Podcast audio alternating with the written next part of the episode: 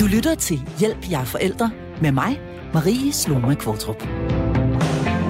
Så er endnu en uge gået, og vi har fået sendt de yngste børn afsted i skole. Vinteren har bidt sig fast i Danmark, og vi andre må fortsat, for de flestes vedkommende, arbejde og opholde os det meste af tiden hjemme. Det er nok ikke for meget at sige, at denne her nedlukning virkelig begynder at trække tænder ud. For hvornår stopper det? Hvornår kan vi genoptage livet, som det plejede at være? Og bliver det overhovedet nogensinde det samme igen?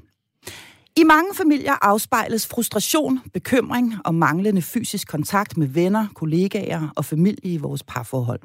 Det kan være svært at finde steder at tanke op, når alt er lukket ned.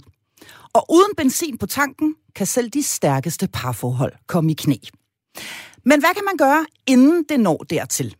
Kan man vende skuden, når krisen har indfundet sig? Hvad stiller vi op med dårlig stemning i hjemmet? Og hvor meget eller lidt skal vi involvere vores børn i det, der foregår imellem de voksne? Det skal det handle om i denne uges episode af programmet her, som jeg har valgt at kalde Krise i parforholdet. Og selvom jeg er ganske og aldeles alene her i studiet, så har jeg to yderst kompetente og højt skattede medlemmer af mit faste panel med mig på coronasikre forbindelser. Det er autoriseret børnepsykolog Marie Tolstrup, specialist og supervisor i psykoterapi med børn, og så er det psykolog og parterapeut Frej Pral. Og du kan som altid skrive til os undervejs. Det gør du ved at sende en sms til 1424, hvor du starter din besked med at skrive R4. Velkommen til Hjælp, jeg er forældre. Og Frej, lad mig starte ved dig, for du sidder jo hver evig eneste dag med par, der er i krise.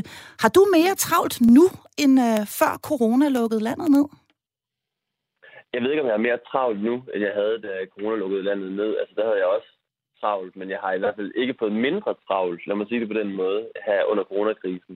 Og jeg kan også se, at mange af de temaer, som parerne kommer med, altså de kan også komme til at dreje sig øh, om ting, der ligesom er relateret til coronakrisen. Altså sådan noget som forventningsafstemninger derhjemme, altså hvem arbejder, hvornår, og mange af de små hverdagskonflikter, der har været før, de, de bliver simpelthen forstærket øh, på grund af de omstændigheder, de står i nu.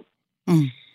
Så de kommer med, med, med ting, som de måske i virkeligheden hele tiden har kommet, kommet med. Men, men, mm. men hvad er det typisk, der presser par øh, så langt ud, at de ender med at søge hjælp? Hvad er, det, hvad, hvad er de klassiske parforholdsproblemstillinger, som så bliver forstærket nu? Ja, det er jo meget, meget, meget forskellige ting. Altså, mm. øhm, det er jo mange forskellige mønstre. Altså, det er jo et, for nogen er det, altså det er kommunikationsproblemer, de fleste kommer med. Ikke? Vi kan ikke finde ud af, mm. vi kan ikke høre hinanden, vi kan ikke forstå hinanden, og vi, kan, vi sidder i hver vores skyttegrav på en eller anden måde, og kaster egentlig bare mudder på hinanden. Og det, der typisk sker, det er jo, at par, de også i sådan nogle krisetider her, bliver de værst tænkelige udgaver af sig selv, fordi de er presset på så mange ledere og kanter. Så det bliver meget, meget svært at ligesom gå over broen til sin partner og prøve at forstå verden fra sin partners perspektiv, og forstå, hvad ligesom er, der trykker den anden. I stedet for, så bliver jeg meget optaget ligesom af mig selv, og hvad jeg ligesom har brug for eller ikke har brug for. Og dermed bliver det svært at lytte til min partner. Så mange af dem, der kommer til mig, de kommer ligesom for at få hjælp til at etablere den der forbindelse mm. til hinanden og blive bedre til ligesom at forstå, og rumme hinanden. Og simpelthen komme til at tale øh, med hinanden og, og høre, hvad hinanden siger reelt. Altså det, øh, det starter ja. med, med, med kommunikationen i rigtig mange tilfælde, som du siger, Det starter ikke? rigtig meget med det, fordi det kommer ikke... Altså, den kommunikation, der er derhjemme, den bliver ofte sådan kort på hovedet, den bliver sådan lidt, hvad hedder det, sur, og den bliver irritabel. Og det har det med at afføde sådan nogle super negative spiraler. Fordi når mm. jeg først bliver irritabel i forhold til min partner, så bliver han eller hun jo også ramt, og bliver så irritabel tilbage igen, og så bliver jeg endnu mere irritabel, og så kommer der sådan nogle selvforstærkende mønstre, altså en parret imellem. Og de mm. kommer aldrig ned og få snakket om, hvad det egentlig er, der ligger bag de der mønstre, og hvad det egentlig er, de sådan har brug for fra den anden. Mm. Marie Tolstrup, jeg ved også, at du har rigtig travlt, og måske i virkeligheden mere travlt end nogensinde i din børnepsykologiske praksis. Ser du børn i øjeblikket, der har det skidt, fordi forældrene ikke rigtig kan finde ud af det? Altså, man kan sige, at man skal jo altid finde ud af, hvorfor de har det skidt. Man kan jo godt risikere, at børn altså, fremstår dårlige øh, på grund af, at der faktisk er problemer derhjemme. Øhm, men det, jeg vil sige, jeg ser mest lige nu, det er børn, der i forvejen måske havde nogle ting, der var svære, at de kæmpede med lidt angst eller tristhed eller noget lignende, og så kan en presset hjemmesituation, hvor måske far eller mor har, er selvstændige, er presset, måske risikerer at miste deres job, og samtidig går rundt derhjemme øh, alle sammen i en ret stor øh, og voldsom måde lige nu, så er det mm. klart, at, at så vil det være noget, der forstærker øh, og gør, at de får det værre. Øh, så jeg vil sige, det er nok mere den kombination, jeg ser. Mm. Så man kan sige, at øh, der er øh, alt mulig øh, grund til, at det måske ikke går alt for godt derude i de danske børnefamilier lige i øjeblikket. Og jeg er nødt til at sige, at jeg godt kender fra mit eget liv, når ens øh, ægteskab det bare er mega slidt og konfliktfyldt. Mm. Det, jeg godt kunne tænke mig at tale med jer to om, det er den stemning, som nemt kommer til at fylde hjemmet. Du var lidt inde på det før, Frej. Altså denne her stemning, når far og mor ikke har det godt sammen. Hvad mm. pokker stiller vi, øh, hvad pokker stiller vi op med den fra? Altså, øh, hvordan, mm. øh, jeg ved godt, at der, der er rigtig, rigtig mange veje, veje videre, øh, mm. men, men, men det, er jo, det er jo far og mor, der laver sådan den overordnede stemning. Og hvis den bare er helt gal der, øh, hvor, hvor vil du sige, at vi kan starte henne? Mm, ja, det er jo virkelig et svært øh, spørgsmål. Altså man kan sige det sådan, at det første er jo erkendelsen, tænker jeg. Altså mm. erkendelsen af, at det er os, der skaber stemningen, og det er ligesom stemningen imellem os, som vi er nødt til ligesom at være god, for at børnene også kan trives øh, hjemme hos os. Ikke? Mm. Og så bliver du nødt til at finde ud af, hvad er det for nogle mønstre, vi lander ind i med hinanden? Hvad er det egentlig, der rammer mig altså i de her konkrete konflikter? Hvad er det egentlig? Hvorfor er det, vi igen og igen? Altså ofte har par det jo med, at der er en eller anden rise i pladen. Der er et eller andet sted, hvor jeg altid bliver ramt, eller som altid trigger en konflikt imellem os. Mm. Og hvis jeg kan på en måde begynde at blive nysgerrig på, okay, det er hver eneste gang, du gør det der med opvaskemaskinen, eller det er hver eneste gang, jeg logger på netbank, eller et eller andet, så er det mm. som om, der kommer en dårlig stemning imellem os. Mm. Hvis jeg kan begynde at finde ud af, hvad er det egentlig, der ligger under der? Hvad er det egentlig, der rammer mig lige præcis i de her situationer, som gør, at jeg bliver en udgave af mig selv, som er med til at eskalere en konflikt imellem os to. Altså hvis jeg kan nå ned under det der isbjerg, for ofte så er hvad skal man sige, den konkrete hændelse, der trigger konflikten, det er egentlig bare toppen af isbjerget. Altså under ligger der en hel masse længsler og behov og ting og sager, som ikke er blevet mødt. Og dem bliver vi nødt til at få en eller anden form for fornemmelse af, eller kendskab til, for overhovedet at kunne løse den her konflikt. Ellers så bliver vi bare ved med at gå rundt øh, i det samme, den samme rise i pladen igen og igen og igen. Så jeg vil sige, sæt jer ned sammen og tænk over, jeg har lagt mærke til det, de her situationer, der trigger det imellem os. Mm. Der er et eller andet inde i mig, som åbenbart bliver ramt. Kan vi på en måde sammen være nysgerrige i forhold til, hvad det kunne være, der rammer mm. mig så meget? Fordi det er ulideligt, at vi skal gå rundt i de der stemninger sammen med hinanden. Mm hele tiden. Så det handler i virkeligheden om, det jeg hører dig sige nu, det er det, det her med at lokalisere, hvornår er det, det går galt. Og som du ganske rigtigt siger, det tror jeg, alle kan ikke genkende til, så er det meget ofte det samme igen og igen og igen og igen. Og måden, mm. man approacher øh, tingene på, kan også meget nemt gå hen og blive til et mønster, som man rent yes. faktisk øh, øh bare øh, gen, genspiller den yes. samme plade igen og igen Præcis. over for hinanden. Og, og man Præcis. ved godt, så nu trigger jeg et eller andet i min partner, og så skal vi den og, ud af den og den vej, og det ender dårligt. Øh, og alligevel så gør man det gang på gang. Så det, jeg hører dig ja. sige, det er, øh, prøv at nå ind til de her situationer og få dem defineret i første omgang. Præcis, og jeg får dem defineret. På, prøv, altså, men jeg tænker lige så meget, at man skal se, om man kan eje de der mønstre, man har med hinanden. Forstået sådan, at man begge to skal kunne sige, prøv at høre her, jeg bidrager også til det, fordi når du gør sådan, så kommer jeg til at gøre sådan her, og så kommer du til at gøre mere af det der, der også trigger mig. Altså hvis man på en måde begge to kan sige, at det der mønster, det er sgu vores fælles ansvar. Altså, mm. Det er ikke bare mit ansvar, det er ikke bare dig, der er problemet. Fordi mange par kommer jo til at sige, hvis bare du gjorde det anderledes, hvis bare du ligesom gjorde mindre af det her, så ville vi ikke have noget problem overhovedet mm. med hinanden. Mm. Hvis man kan tage fælles ansvar og sige, vi er begge to medbidrager ind i det her mønster, så vi har også begge to et ansvar for ligesom at gøre noget ved det, så er det nemmere for, af min erfaring for par at gøre noget ved det, fordi hvis jeg bare får at vide, at det er mig, der er problemet, mm så, hvad hedder det, så vil jeg bare gå, blive defensiv og gå til modangreb i virkeligheden. Ikke? Mm. Så hvis man kan blive fælles som mønster, og derefter, hvis man har overskud til det jo, altså øh, dykke ned i at se, hvad er det egentlig, det her det kunne handle om? Hvad er det et signalflag om i vores parforhold? Hvis man ikke har overskud til det, så kan jeg også godt forstå det, men så handler det måske mere om at sige, på det her, vi er bare super presset lige nu. Måske skal vi have en eller anden form for våbenhvile imellem os. Måske skal vi, hvad hedder det, i hvert fald øh, afgrænse tiden, hvor vi har de her skænderier. Altså, mm. vi skal have, vi det skal ikke sådan komme ud af sidebenene hele tiden undervejs mm. i vores, hvad hedder det, um, vores relation, fordi det kommer til at forpeste hele miljøet. Mm. Og lige præcis de der konkrete værktøjer med, hvordan man ligesom kan lave nogle rammer omkring det, dem skal vi snakke rigtig meget mere om. Men jeg kunne godt tænke mig at spørge dig, Marie, fordi børn, de kan jo altså øh, som udgangspunkt mærke helt utrolig meget. De kan mærke også alt det usagte, de kan mærke stemninger osv., og, og de, de kan i høj grad mærke, hvordan deres forældre har det. Kan man skjule for sine børn, hvor elendigt det i virkeligheden er fat? Altså, kan man egentlig snyde dem? Altså det, det tænker jeg som udgangspunkt ikke, at man kan.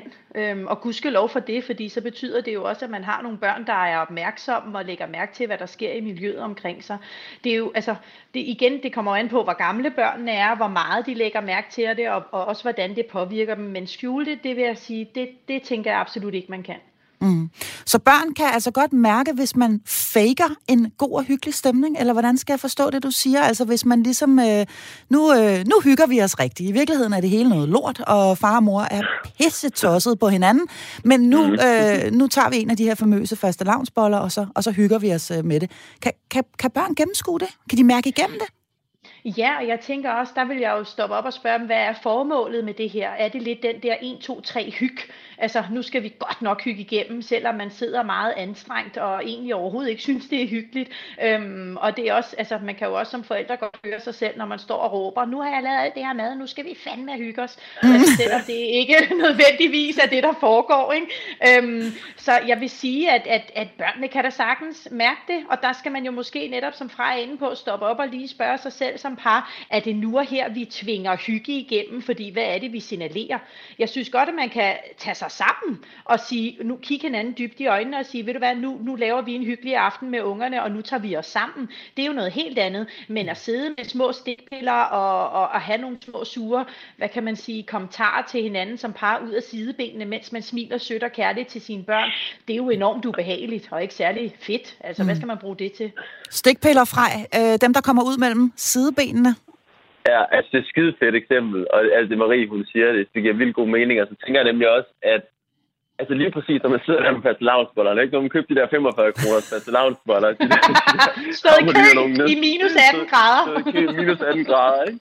Og så går man hjem, ikke? Og så er man bare, øh, og man er, men man er bare pisse træt af det hele, og, og ungerne er skide utilfredse, ikke? Og man er egentlig bare, man er bare fyldt med det der, så tror jeg også, altså hvis man på en måde kan være troværdig som forældre, i stedet for at sige, nu skal vi også hygge os, og så skal vi sætte os ned og sige sådan, nej, jeg, jeg er bare pisse sur lige nu, og det går over lige om lidt igen, og lige nu der er jeg bare ja. sur. Lad os spise de her fast lavnsboller. Ikke? Altså, så, så, kan man sætte sig i det, og, og bare det der med at slippe for at bruge energi på at skulle sidde og hygge, ikke? for nu skal man virkelig hygge. Altså, det kan nogle gange gøre, altså bare accepten af, ja, jeg er skide sur, nu skal en fast lavnsbolle. Ikke? det kan nogle gange gøre, at man næsten kan sådan måske tage sig selv i at smile en lille bitte smule, bare over det.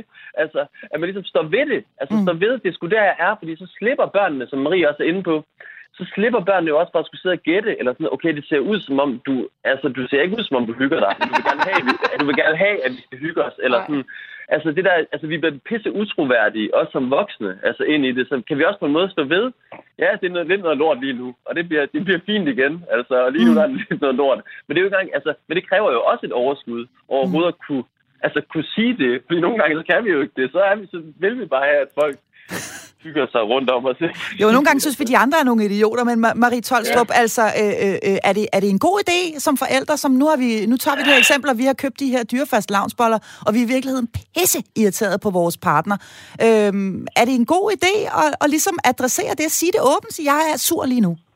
Ja, og så tænker jeg da også, så vent dog med de skide boller. Altså, jamen, altså gør ja. noget andet. Hvad er det, man lige har brug for? Fordi vi, altså, som forældre er vi jo rollemodeller for vores børn, og vi er også rollemodeller i forhold til, hvordan de lærer at regulere deres følelser, håndtere deres følelser, og, og vigtigst af alt, deres negative følelser, om man vil kalde det det, fordi der skal jo være plads til alle følelser. Og når det er, der mm. kommer vrede og stikpiller og frustration og irritation og kedattighed ind, så er det jo noget af det, der kan være svært at lære at regulere i. Det er jo de sværeste, der har svært ved at regulere glæde og solskin og solstråler. Ikke? Altså det, man kan have svært ved at regulere og være i, det er, når mor og mm. far er uvenner, men lader som om de ikke er.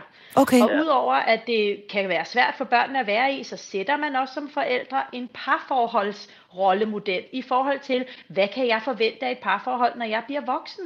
Altså, mm. det er jo mm. noget af det, vi også lærer fra vores forældre på godt og ondt, det er, jamen, hvordan ser et parforhold ud? Hvordan navigerer man i konflikter? Hvordan sætter man ord på følelser? Og det er jo her, man som forældre kan stå på sådan en, i en hårfin balance om at sætte ord på, men endelig ikke for mange. Altså, man skal ikke sætte sig ned og holde klub. Nu taler vi om mor og fars sårede følelser i deres parforhold. Altså, det er jo slet ikke relevant for ungerne at være i. Nej. Øhm, så det er jo noget med netop i forhold til det her konkrete eksempel, som Frej siger, enten nu er jeg vred, og jeg spiser min bolle, lad os se, hvem der kan spise den på den mest vrede måde, og så måske gøre sjov ud af det, øh, eller også altså, eller også at sige, ej, lige nu er jeg alt for vred til, selv sukker kan ikke gøre mig glad lige nu, lad os lige vente en halv time, så er jeg god igen. Mm. Altså, mm. for man skal jo heller ikke altid lave en Chandler, om man vil fra venner, og ligesom gøre det til, at alle følelser skal, skal der gøres grin med og grine sig ud af, det er slet det, men mere for netop at prøve lige at hanke op i sig selv og komme på rette køl i en svær situation.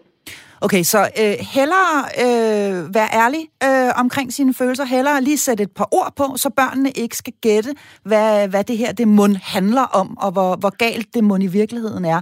Hvor meget påvirker den samlede familiedynamik egentlig vores, øh, vores børn, øh, Marie Tolstrup? Altså, hvor, hvor, hvor vigtigt er det, at, øh, at far og mor øh, har det nogenlunde med hinanden? Jamen, det er da rigtig vigtigt. Mm. Altså det, og det er jo det, der putter et kæmpe pres på børnefamilier og på parforhold øh, generelt, fordi der er ikke rigtig nogen, der er klar over, jamen er det for meget, når jeg gør det her? Har jeg så allerede brugt min skæld ud eller surhedskvote for i dag? Har jeg nu allerede ødelagt mit barn, om jeg vil? Altså, mm. Eller hvornår er det ligesom, det bliver for meget? Fordi det er jo heller ikke, altså det er jo slet ikke sådan, at forventningen skal være, at man skal vokse op i et familie, hvor der aldrig er nogen, der skændes og diskuterer. Fordi det er jo en naturlig del af livet, at følelserne, altså de kan komme ud og fylde meget og det ene og det andet, men det er jo vores navigation i dem og vores håndtering af dem, der egentlig er det vigtigste. Mm. Øhm, fordi folk har jo meget forskellige temperamenter, og derfor arver vores børn jo også meget forskellige temperamenter. Mm. Så jeg, jeg synes bestemt, det er vigtigt, men jeg synes også, det ofte er synd for de forældre, der føler, at de kommer til at ødelægge deres børn, fordi de måske diskuterer for meget. Mm. Øhm, for børn er altså også robuste, og de kan jo klare meget mere, end man tror, mm. men man skal Øh, huske på, at der er altså studier, der viser for eksempel, hvis vi taler om, om OCD, jamen så ved vi, at hvis der er negativ kommunikation i familien, så er det noget, der kan forstærke OCD-symptomerne. Og det kender vi fra forskellige altså studier i forhold til det. Men, men hverdagskonflikter og småhakkerier, som kan være ret normalt, især når smør, børnene er små, det, det, det, kan man altså, det skal man ikke ligge så søvnløs over, synes jeg. Nej, okay. Så en vis portion overbærenhed også med, i forhold til øh, sig selv og den måde, ja. øh, vi, vi håndterer det hele på lige nu øh, fra Pral. Det ved jeg er en af dine helt store overskrifter, når vi taler det pressede parforhold, især nu her, hvor der er nogle ydre omstændigheder, som vi simpelthen ikke kan ændre på, at vi simpelthen er, er, er overbærende med, med både os selv og med vores partner. Mm, præcis, fordi det er jo det der, altså det er jo så vigtigt, det Marie siger, fordi det der kan ske, det er, at hvis du begynder at altså hvis de her konflikter, man har med, med sin partner og børnene, hvis de nærer den der indre selvkritiker, ikke? hvor jeg igen mm. tænker, åh nej, nu er jeg ikke god nok igen, eller sådan, så får jeg endnu mindre overskud, end jeg havde i forvejen. Det vil sige, at jeg i virkeligheden bare får endnu mere næring til de her konflikter, som jeg jo allerede har med min partner eller mine børn, og så har vi det her selvforstærkende hjul, der kører. Mm. Så vi har simpelthen brug for at få bukt med den der indre selvkritiker, der siger, at du aldrig gør det godt nok, og det er lige meget, hvad du gør. Så det er ikke, altså, for at kunne være den der forælder, som vores børn har brug for, og for at være den partner, som jeg også, altså min partner har brug for. Så overbærenhed er virkelig vigtigt, og det kan jo også netop gøre, altså hvis jeg overbærer mig selv, når vi har haft en konflikt, det vil også gøre det nemmere for mig at gå ind til mit barn stille og roligt, som Marie siger, overfl- og uden at gå i dybden med dem, bare sige, ja, mor og far, de skændte skulle lige lidt lige før, ikke? men vi bliver gode venner igen, og det har ikke noget med jer at gøre. Fordi det er nogle af de der ting, som børn måske nogle gange kan tænke, at det er os, der ligesom er skyld i, at det hele er noget lort, eller hvad det nu er. Mm. Så hvis man bare lige kan, og det kan man, men det kan man jo ikke gøre, hvis du virkelig pisker dig selv for det, du har gjort, så kan du ikke gå ind og være den overskudsagtige forælder, som børnene jo også har brug for, når de ligesom skal høre sådan nogle ting. Så jeg tror, overbærenheden er alfa omega i den her situation med sig selv, sin partner og i, i sande grad også sine børn. Mm. Vi skal lige øh, dvæle en lille smule mere ved denne her stemning, altså alt det usagte, mm. og det, det kan jo altså nogle gange i nogle tilfælde ende med fra af forældrene, fordi de simpelthen er så trætte af hinanden, og den dårlige kommunikation, som, som, som finder sted, og det, at de hele tiden slår sig på de samme øh, kanter, at det, at det så ender der, hvor far kommunikerer med børnene, mor kommunikerer med børnene, men far og mor kommunikerer ikke med hinanden. Øh, ja. Er det en farbar vej? Nej, det, det, er det, det er det ikke.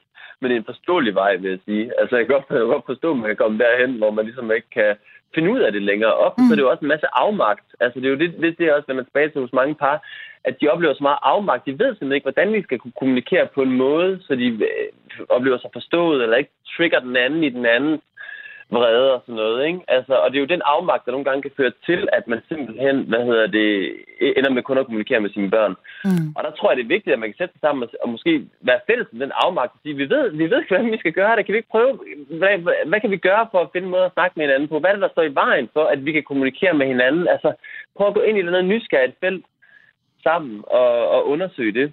Mm begrebet om, at ja. Ja, fordi man kan jo altså ende der, hvor man simpelthen bare ikke kan tåle synet af sin partner, altså hvor at øh, man, man simpelthen bare er så, øh, så, så fedt op. Øhm, og Marie Tolstrup, det, øh, når man når dertil, øh, så kan børnene mærke det, og så kan det være, øh, tænker jeg, øh, uundgåeligt, at man på en eller anden måde er nødt til at tale med børnene om det, altså hvad det er, der foregår.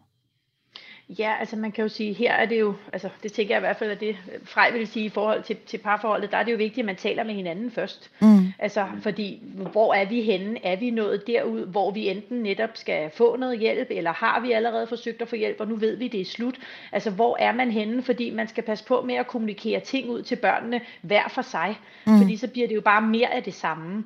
Altså så det, det er jo et eller andet med at, at være klar over, jamen hvor er vi i det her, og har mor og far bare lige en dårlig periode? Mm. så vil jeg nok være mere tydelig, fordi for børn kan en periode være enormt ukonkret. Ikke? Mm. Apropos det, vi står i nu. Nu har vi en coronanedlukning i en periode. Ja. Altså den periode har jo strukket sig et år. Ikke? Ja. Så på den måde, der, der kan det være rigtig vigtigt at være meget, meget konkret og tydelig at sige, lige i dag, der er mor og far irriteret på hinanden. Okay. Om det er så gode venner, jamen det lover jeg dig, det skal vi nok blive. Okay. Øh, og, det, og ved du hvad, det er en bekymring, vi har. Du skal slet ikke tænke på det, ven. Mm. Altså, at man ligesom, og det er klart, jo ældre de er, jo mere vil de måske spørge ind og sige, bliver I skilt, eller mm. De her ting.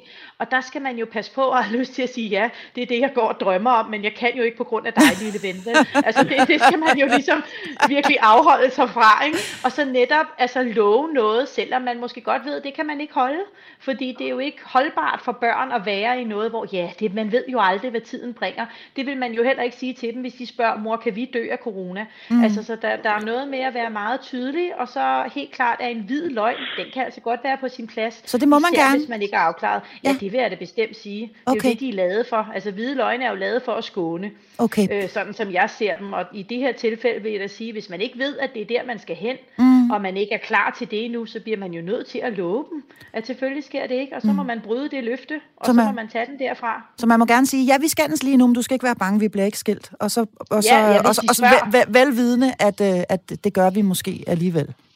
Ja, fordi mm. man ved, altså det ved vi jo ikke. Mm. Altså det kan da godt være, at man går og tænker, ja det gør vi, og så pludselig er det valentines her lige om 30 minutter, og så får man bare det der kæmpe hjerte for Sommerbird, og så tænker man, okay, det går jo nok alligevel. Ja. Så altså, det, det vil jeg våge påstå, det, det, det, der kan man jo, ja. ja. Så spare børnene i virkeligheden for alt for mange mellemregninger, det, øh, det er det, ja, jeg hører dig sige. Frej, Prej, ja. du vil gerne tilføje noget til det, Marie siger? Ja, det giver rigtig god mening, altså det Marie siger. Altså lige præcis det der med de der små hvide løgne, men også godt må stikke børnene i forhold til, altså det er det jo brug for. Og så tænker jeg, at der, der hvor det måske, altså der, der, der hvor man skal lyve igen, eller der hvor forældre måske kommer til at fremstå mærkeligt, det er, jeg har hørt nogle forældre nogle gange, de går ind til deres børn, og så forsøger de netop, altså du ved, altså at, at berolige dem, eller sige andet til dem, men de er overhovedet ikke i ro selv. Altså forstår jeg, der, der, der, er ikke nogen ro, og børnene kan godt mærke, at du siger en ting, men du har det egentlig på en anden måde, altså mm. mor eller far, ikke? Yeah. Og så vil jeg egentlig bare anbefale at lade være med, hvis du ikke kan sige det, altså så drop det, altså så lad være med at sige det, det bliver, det bliver indviklet for børnene på sådan en dobbeltsignal, mm. om at du siger, ja, men vi, mor og far, vi, altså hvis man kan sige jo i ro, jamen mor og far, vi skændes bare, det bliver, det bliver godt igen, ikke? Hvis mm. man kan sige det stille og roligt, og sådan, for det, så er det fint. Hvis man kommer ind og er enormt emotionel i det, og ikke kan sådan være i det, sådan, så er det heller ikke rart for børn, altså at sidde og høre det, fordi det, det, det bliver mixed eller mærkeligt mm. for børnene. Så er, det, så er det fint nok, at man bare dropper det. Så min pointe er bare, at når vi kommer med de her sådan, guidelines, eller ledestjerner, eller hvad man skal kalde det, så mærk også efter, hvad, hvor er du selv henne i det som forældre? Altså, er du ligesom der, hvor du, det, jeg fylder bare for meget, jeg er pisse bange for, at vi bliver skilt og alt muligt andet, ikke? og jeg kan, ikke, jeg kan ikke være i det. Så få noget hjælp, snak med nogle mennesker om det her, kom i dybden med det, og så vent med at snakke med børnene om det, til du ligesom er, er klar til det, skulle jeg til at sige.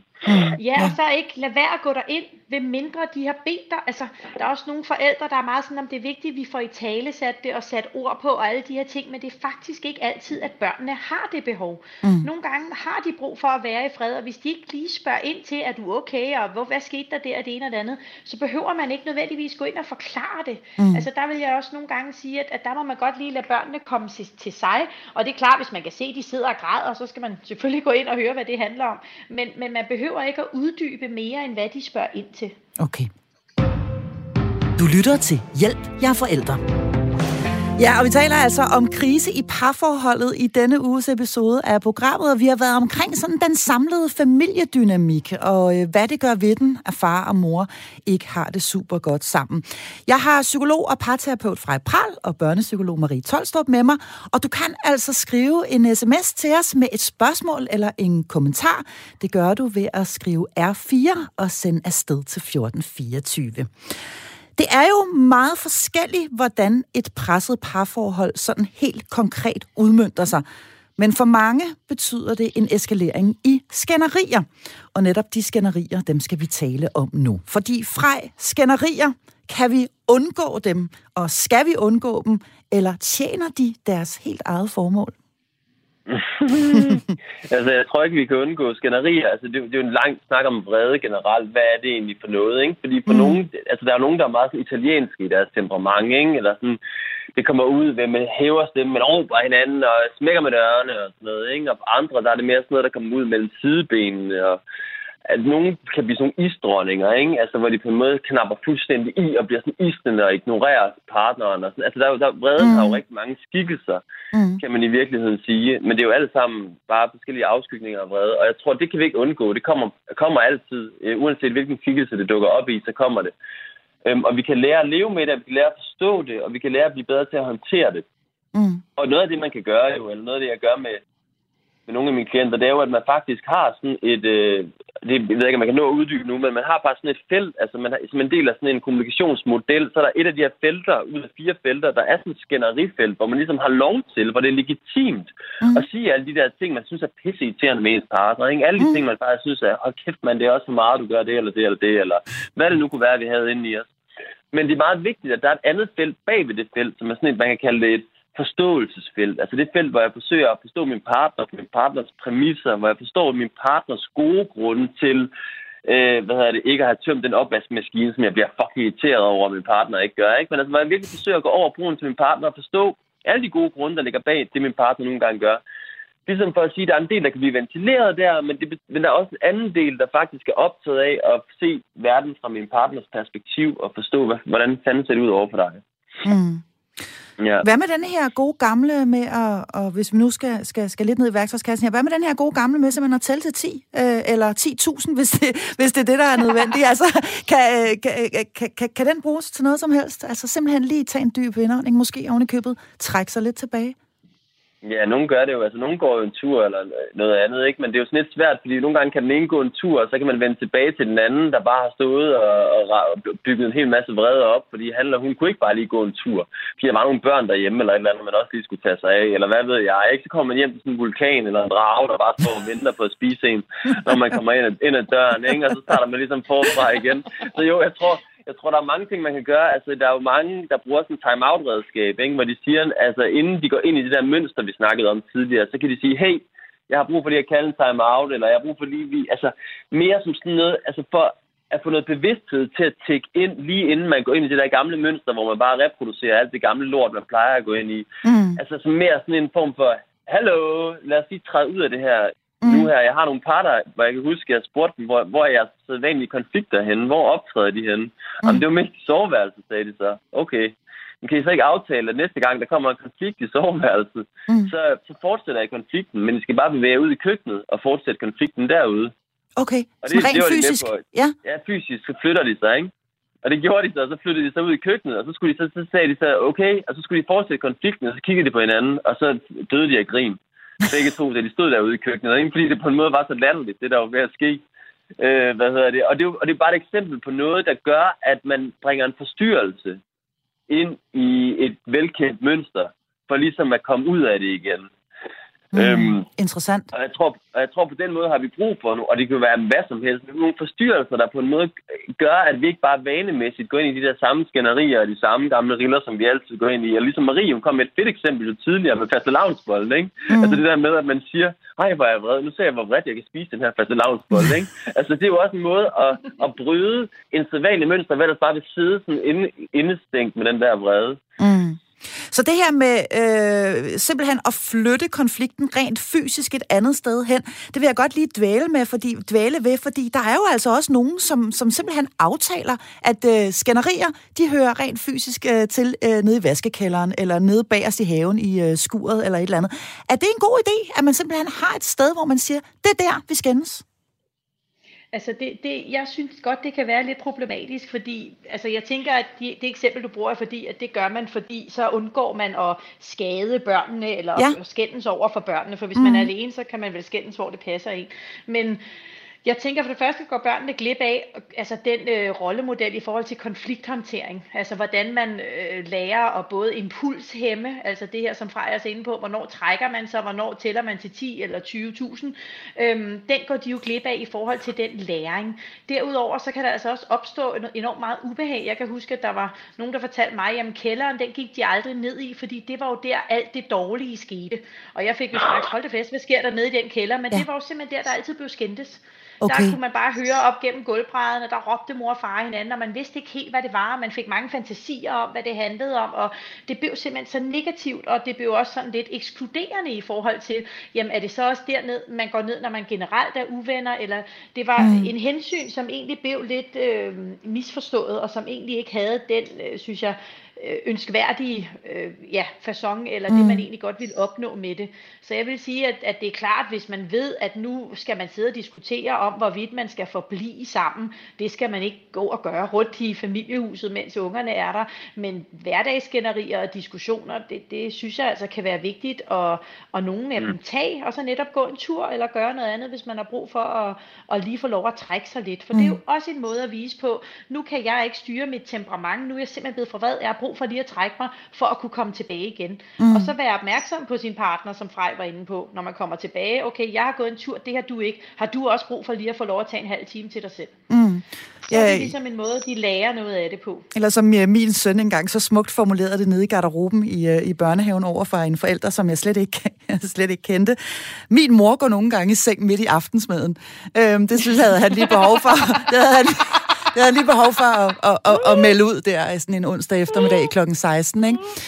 Øhm, og, og, og, og der måtte jeg jo bare, da, da jeg gik derfra med ham, sige sådan, øh, har du, har, du, har du lagt mærke til det? Jeg synes du, det er noget, mor gør tit og sådan noget? Nej, nej, men han synes egentlig ikke, der var noget specielt sådan, øh, aparte i det, men han havde dog bemærket, at en gang imellem, så, så smuttede mor altså midt i, i spaghetti kødsovsen, fordi nu blev det simpelthen øh, øh, for meget. Og jeg må, jeg må sige, at det, jeg konkluderede på det tidspunkt, øh, udover at jeg selvfølgelig lige et kort øjeblik blev ramt af dårlig samvittighed, at jeg virkelig sådan en måde, der er nødt til at gå op og lægge mig, det var, at det er bedre at gå i seng, end at gå amok, altså øh, ja, trods alt. Og sådan en, altså ja. en afvejning af, jamen, hvad er, er det, er, skal jeg springe en sikring og gå fuldstændig balalaika, eller er det trods alt bedre, at jeg lige laver en måde og en, en, en tilbagetrækning, mm. og så kommer ned ad trapperne igen om en halv time. Og der, der har jeg altså valgt den, den, øh, den sidste model. Men øh, nok om mig, fordi jeg vil egentlig gerne høre sådan helt overordnet, Marie Tolstrup, fordi det, jeg synes, det er, det er rart, at, at, at de her sådan normale hverdagsting, øh, hverdagsskænderier og smågnidninger og, og så videre, småkonflikter, dem, dem tager de faktisk ikke øh, skade af, øh, vores børn. Øh, men i hvor, stort, øh, hvor stor grad øh, kan det være nødvendigt at samle dem op bagefter? Altså, hvor meget skal vi gå op i det her med at samle børnene op, når der har været en konflikt? Jamen, det kommer jo virkelig an på, hvor gamle de er. Mm. Altså, øhm, man kan jo håbe på, at, at ungerne kommer til en og siger, hvad skændes I om? Eller vil I ikke godt holde op med at skændes, det er ubehageligt? Eller ej, stop nu, det gør os kede af det. Eller, altså, fordi det er, jo en, det er jo den hårdeste måde, man som forældre lige bliver mindet om, nu skal du lige tage dig sammen. Fordi mm. at når ens børn står og bliver kede af det over, man skændes, så bliver man jo simpelthen nødt til lige at stoppe, hvis man ikke har formået at gøre det inden. Øhm, og så er det klart, så kan man jo godt lige, altså, som vi var inde på, lige sige, hey, ved du hvad, vi skændtes tidligere, vi er okay nu, I skal bare vide, vi har sagt undskyld til hinanden, og nu er vi gode venner. Mm. Sådan at man sammen også viser, jamen det er også sådan, man kommer videre, fordi så er der igen noget læring i det, især hvis man har søsne, og man ynder at slå hinanden lidt oven i hovedet og komme op og skændes. Så er det igen det her med, jamen, hvordan bliver vi gode venner hjemme i familien, hvordan håndterer vi skænderier og diskussioner. Mm. Øhm, og det er klart, man skal igen have den her hårfine balance med, at man skal ikke ignorere det og aldrig samle op, men man skal heller ikke overtale og tale om det igen og igen, øhm, fordi det, det kan de ikke nødvendigvis håndtere, de små især, og, og det er heller ikke nødvendigvis altid relevant. Mm. Men, men børnene, og især øh, jo de ældre børn, de hører jo altså også nogle gange, hvad skænderierne handler om. Altså lad os nu yeah, for eksempel yeah. sige, at man altid tager, øh, diskuterer eller kommer op og skændes om penge, for eksempel. Ikke? Yeah. Øhm, hvor meget skal vi tale med de lidt ældre børn om indholdet i de voksne skænderier? Altså, ja, far og mor øh, skændes om penge, det er fuldstændig rigtigt. Det er, fordi far ikke tjener en skid i øjeblikket, fordi der er corona, du ved, og mor er presser. Hvor meget skal vi gå i detaljen? Øh, fordi vi, vi, vi ender jo ofte et sted, hvor øh, de lidt større børn, de, de spørger ind til konflikterne med, er vi meget fattige? Skal vi ja. sælge huset? Hvad sker der? Ja. Er far ved at gå konkurs? Ja. Er, altså, og så videre, og så videre. Hvor meget skal vi gå ind i, i selve indholdet? Jamen det synes jeg ikke, man skal særlig meget. Det er klart, de større, som du siger, hører det, og mm. kan godt finde på at spørge ind og sige, men ved du hvad, det der, det er bare en voksen bekymring, og jeg lover dig, vi har styr på det. Jeg bliver bare så irriteret, for det er jo rigtig sjældent, at det handler om det i skænderiet. Mm. Oftest handler det om noget andet, og selv hvis det handler om det med pengene, så må man jo sætte sig ned og have en ordentlig snak om det. Mm. Altså som er på voksenniveau. Og hvis man ikke vil sætte børnene ind i den voksensamtale, man har, når de er lagt, så skal man da heller ikke sætte dem ind i den skænderi, man har haft om selv sammen tidligere på aftenen, bare fordi de var vågne og hørte det. Mm. Så det er jo hele tiden noget med, jamen, hvad er formålet med at sætte dem ind i det? Altså, mm. øh, hvis formålet er, jamen, ved du hvad, sådan nogle ting kan par godt skændes om, fordi man bliver så uenige, men du skal ikke bekymre dig om, hvorvidt vi har penge nok, for det skal vi nok håndtere, det skal mm. vi nok klare. Så er det jo fair nok, men, men at komme ind i indholdet omkring, altså der kan man jo hurtigt komme på meget tynd is, hvis det så pludselig er utroskab, eller det, at man kigger efter nogle andre, eller hænger for meget ud med dine venner, og din svigerfamilie kan heller ikke, altså du ved, man kan jo komme ind i nogle rigtig uheldige punkter, hvor børnene så pludselig føler altså en forkerthed omkring, jamen hov, det er det der far gør, der er svært for ham, eller det er der mor, hun ikke kan finde ud af det der. Og så bliver det personspecifikt og meget, meget uholdbart. Mm. Der er en lytter, der har skrevet ind her på sms'en, og det er du altså også i øvrigt meget velkommen til at gøre. Du skriver en øh, besked, hvor du starter med at skrive R4 og sender afsted til 1424. Og her der er der en, der skriver, at man skal tilgive hinanden. Ikke for det, man mener, men fordi man kom helt op i det røde felt. Altså, begrebet tilgivelse her fra Pral, hvor essentielt er det? Helt sindssygt essentielt. Mm. Ja, og der er det jo igen, altså der er jo to former for tilgivelse, ikke? Der er den tilgivelse, hvor man siger til den anden, ved du hvad, øh, det er okay, jeg er kommet videre nu fra det, ikke? Eller jeg er ligesom over det, altså hvor man også verbalt ligesom får tilkendegivet over for sin partner, at nu er man ligesom videre, det, og man hænger sig ikke mere i et eller andet, ligesom er sket.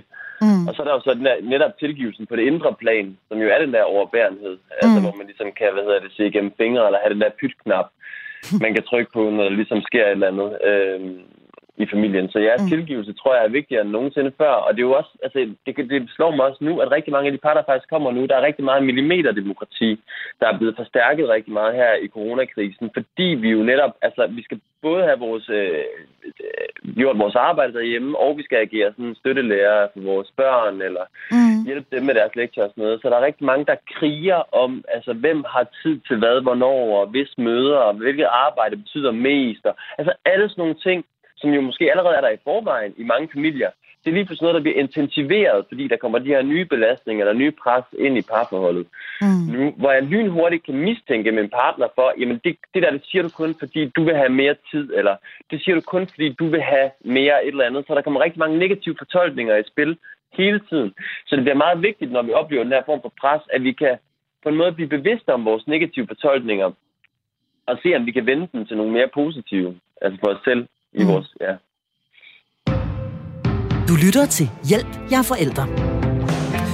Og i denne her tid, hvor vi er presset i knæ af ydre omstændigheder, er ekstra mange for, parforhold måske også lidt kriseramte. Vi er mere hjemme end nogensinde før, og det kan være svært at finde løsninger på, hvordan pokker vi kommer videre, når vi hverken kan gå ud og få en øl med en god ven, gå ned og give den gas i træningscenteret eller tage på weekendtur med vennerne. Så hvad er der nede i værktøjskassen? Hvad kan vi gribe ud efter? Det skal vi tale om nu. Jeg har psykolog og parterapeut Frej Pral og børnepsykolog Marie Tolstrup med mig, og du kan altså fortsat skrive ind til os med spørgsmål eller kommentarer. Gør det på sms 1424, hvor du starter med at skrive R4. Frej, vi skal have nogle gyldne råd nu. Hvad har du øh, med i din øh, store øh, parforholdsværktøjskasse? Øh, øh, hvad, har, hvad har du med, som du kan, kan, kan dele ud af i dag, sådan helt konkret? Ja, der er jo mange, men jeg tror bare, hvis man nu ikke har overskud til for eksempel at dykke ned i den der dybe snak om, hvorfor er det, de her forskellige situationer rammer mig så hårdt, så mm. tror jeg, det er meget vigtigt, at man finder ud af, okay, vi identificerer sammen vores smerteknapper. Altså man kan ligesom mærke, hvad er det, der trykker på mig? Og så sidder man og snakker højt om dem, og man behøver måske ikke forstå, hvorfor, men det kan man bare lige bemærke, at det gør de. Mm. Og så kan man jo gøre sit bedste for at undgå at trykke på dem, især i den her tid, hvor vi er så ekstra belastede, som vi nu engang er.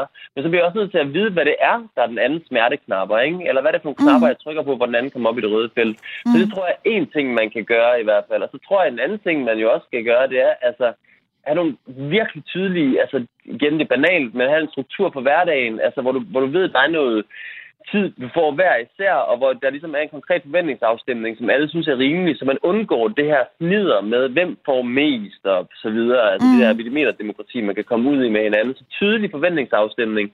Og så også altså installere 10 minutters partid, altså hver eneste dag. Jeg synes virkelig, det kunne være værdifuldt at vide. I den her tid har vi ekstra meget brug for at tage vare på hinanden, for det er os, der er fundamentet for den her familie. Så vi skal simpelthen være fintunet. Så husk at sige én ting i de der 10 minutter, du har sat pris på ved din partner i løbet af dagen. En ting, du måske endda har været taknemmelig for, at din partner har gjort. Måske bare en lille ting. Mm. Og så kunne man jo også sige en ting, man ligesom havde brug for. Et eller andet, du gerne vil have fra din partner. En lille ting, måske noget berøring, noget, et, et kompliment. Et eller andet, du synes kunne være dejligt at få mm. fra din partner. Og så kunne din partner måske give det til dig lige der. Men en struktureret 10 minutter, hvor der ikke, altså hvor man ved, at det her det kommer ikke til at vare hele aften, fordi der er ingen af os, der alligevel orker, at vi skal gå i gang med. Men vi har lige 10 minutter, hvor vi lige fokuserer ind på vores parrelation, og lige giver hinanden high five for det, der rent faktisk lykkes. Mm. Det vi rent faktisk lykkes at gøre mm. altså, i den her coronatid. Jeg ved også, du taler om at skabe et, det, du kalder et rum for irrationel vrede og irritation øh, ja. fra, altså simpelthen øh, give hinanden lov til at være, øh, altså ligesom få luft, eller, eller ventilere. Ja, altså, det, ja, altså det er jo, det er jo, det er jo, det er jo fordi, i soveforskning, eller i, hvis man, altså, det, det er inspireret af soveforskning i virkeligheden. Det er sådan, at hvis man sørger rigtig meget, hvis man har mistet et meget, meget nært familiemedlem, for eksempel, så kan det være svært at slippe ud af den her sorg omkring det her familiemedlem. Og man kan føle, at man hele tiden bliver overvældet og overmandet af sorgen. Mm. En anbefaling, som rigtig mange drager nytte af i den forbindelse, det er, at de kun må sørge mellem 10 og 11 om aftenen, eller 9 og 10 om aftenen. Der må de ligesom tage vare på deres sorg. Og det hjælper dem med, at de ikke hele tiden bliver oversvømmet af de der følelser, fordi de ved, at på et tidspunkt, så kan de tage vare på dem. På et tidspunkt skal der nok være et rum, hvor man ligesom kan få lov til at sørge, for eksempel. Og inspireret af det eksempel, så kan man jo gøre noget af det samme, øh, hvad hedder det, med alle ens frustrationer og irritationer. Hvis man på en måde ved, at de kommer i løbet af dagen, og man kan sige til dem, bare vent, I skal nok få et rum senere. Altså, vi skal nok, jeg skal nok komme til jer på et eller andet tidspunkt. Så kan man mhm. for eksempel have et rum for sig selv, hvor man kunne lukke døren bag sig. Mm og så kunne man bare give den gas. Altså på en måde tillade sig selv at bare være, det er fandme også for meget med alt det her corona, og jeg bliver så presset, og min, min mand han lugter af ulækker, og jeg kan simpelthen ikke holde ud og være det her længere, og han vil fandme også bare have sex hele tiden, ikke? og jeg overgår ikke at give ham noget sex, og som om jeg ikke har nok at se til i forvejen, ikke? og han kan gøre det samme og gå ind og sige, jeg får aldrig en skid, altså jeg skal altid gå her og være, altså forstår du, og alt presser arbejde. Ja. Ja. Altså man, man giver bare lov til ligesom at men det er meget vigtigt, at det ikke er for at dyrke det. Det er for ligesom at slippe ud af det. Det handler om, at man ligesom siger det højt, fordi man ved, at det er en del af ens selv. Der er en del af mig, der har det på den her måde.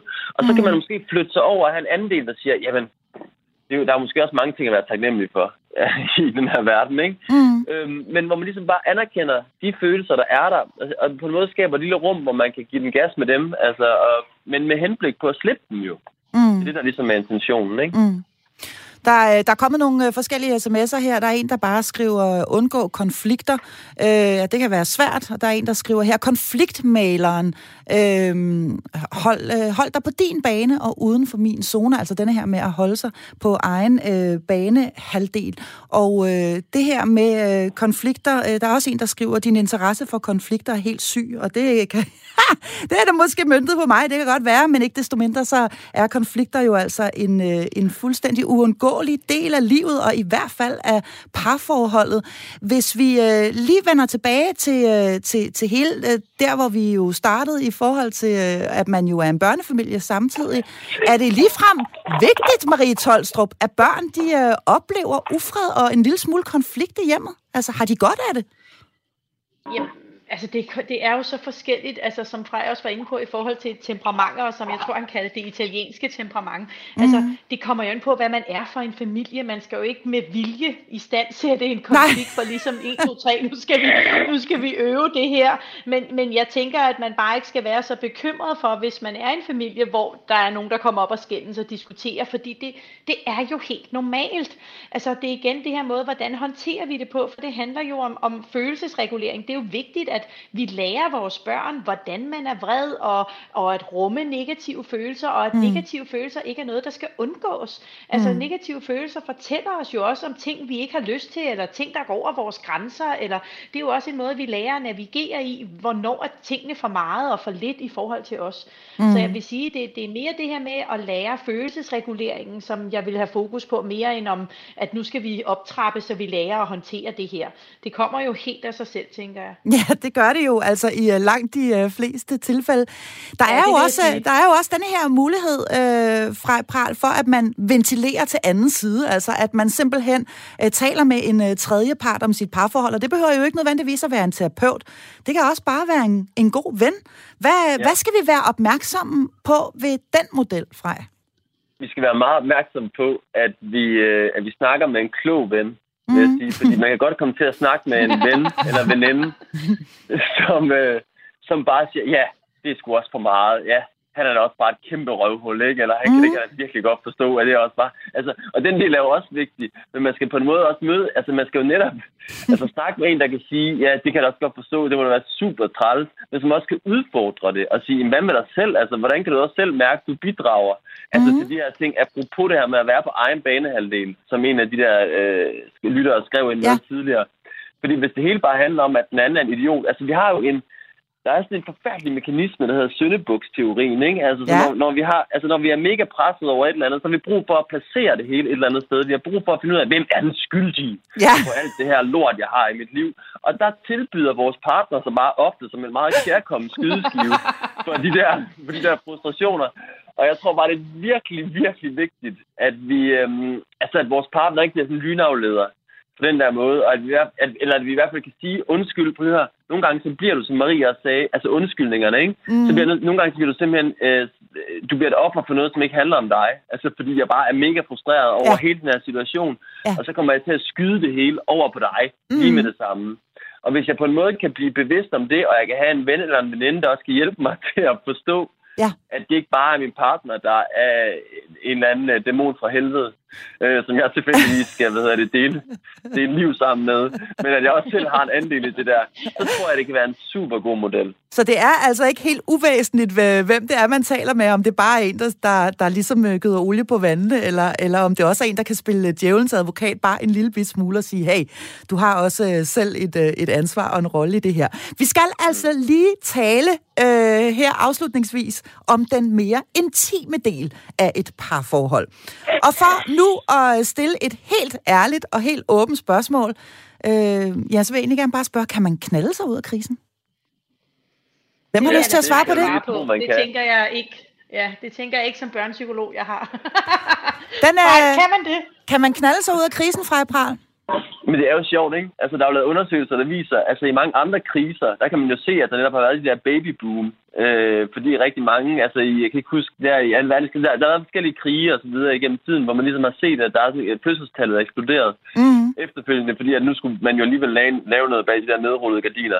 Men altså, der er til synligheden ikke noget overhovedet, der tyder på i statistikkerne endnu, at det her, det skulle ske hvad hedder det, øh, nu, altså i coronakrisen. Så jeg tror, jeg tror bare, altså, det er en anden type krise måske, eller jeg ved ikke, hvad det, hvad der ligesom er for, gør forskellen. Men, men for du har hjælpe dig en lille smule fra, altså du, det, det kan godt være, at vi ikke sådan synkront kan knalde os ud af coronakrisen sådan på, på, på verdensplan, og ligesom sige, det, det, ja. var så, det var så menneskehedens måde at overleve på. Men nu tænker jeg ned i det enkelte øh, parforhold.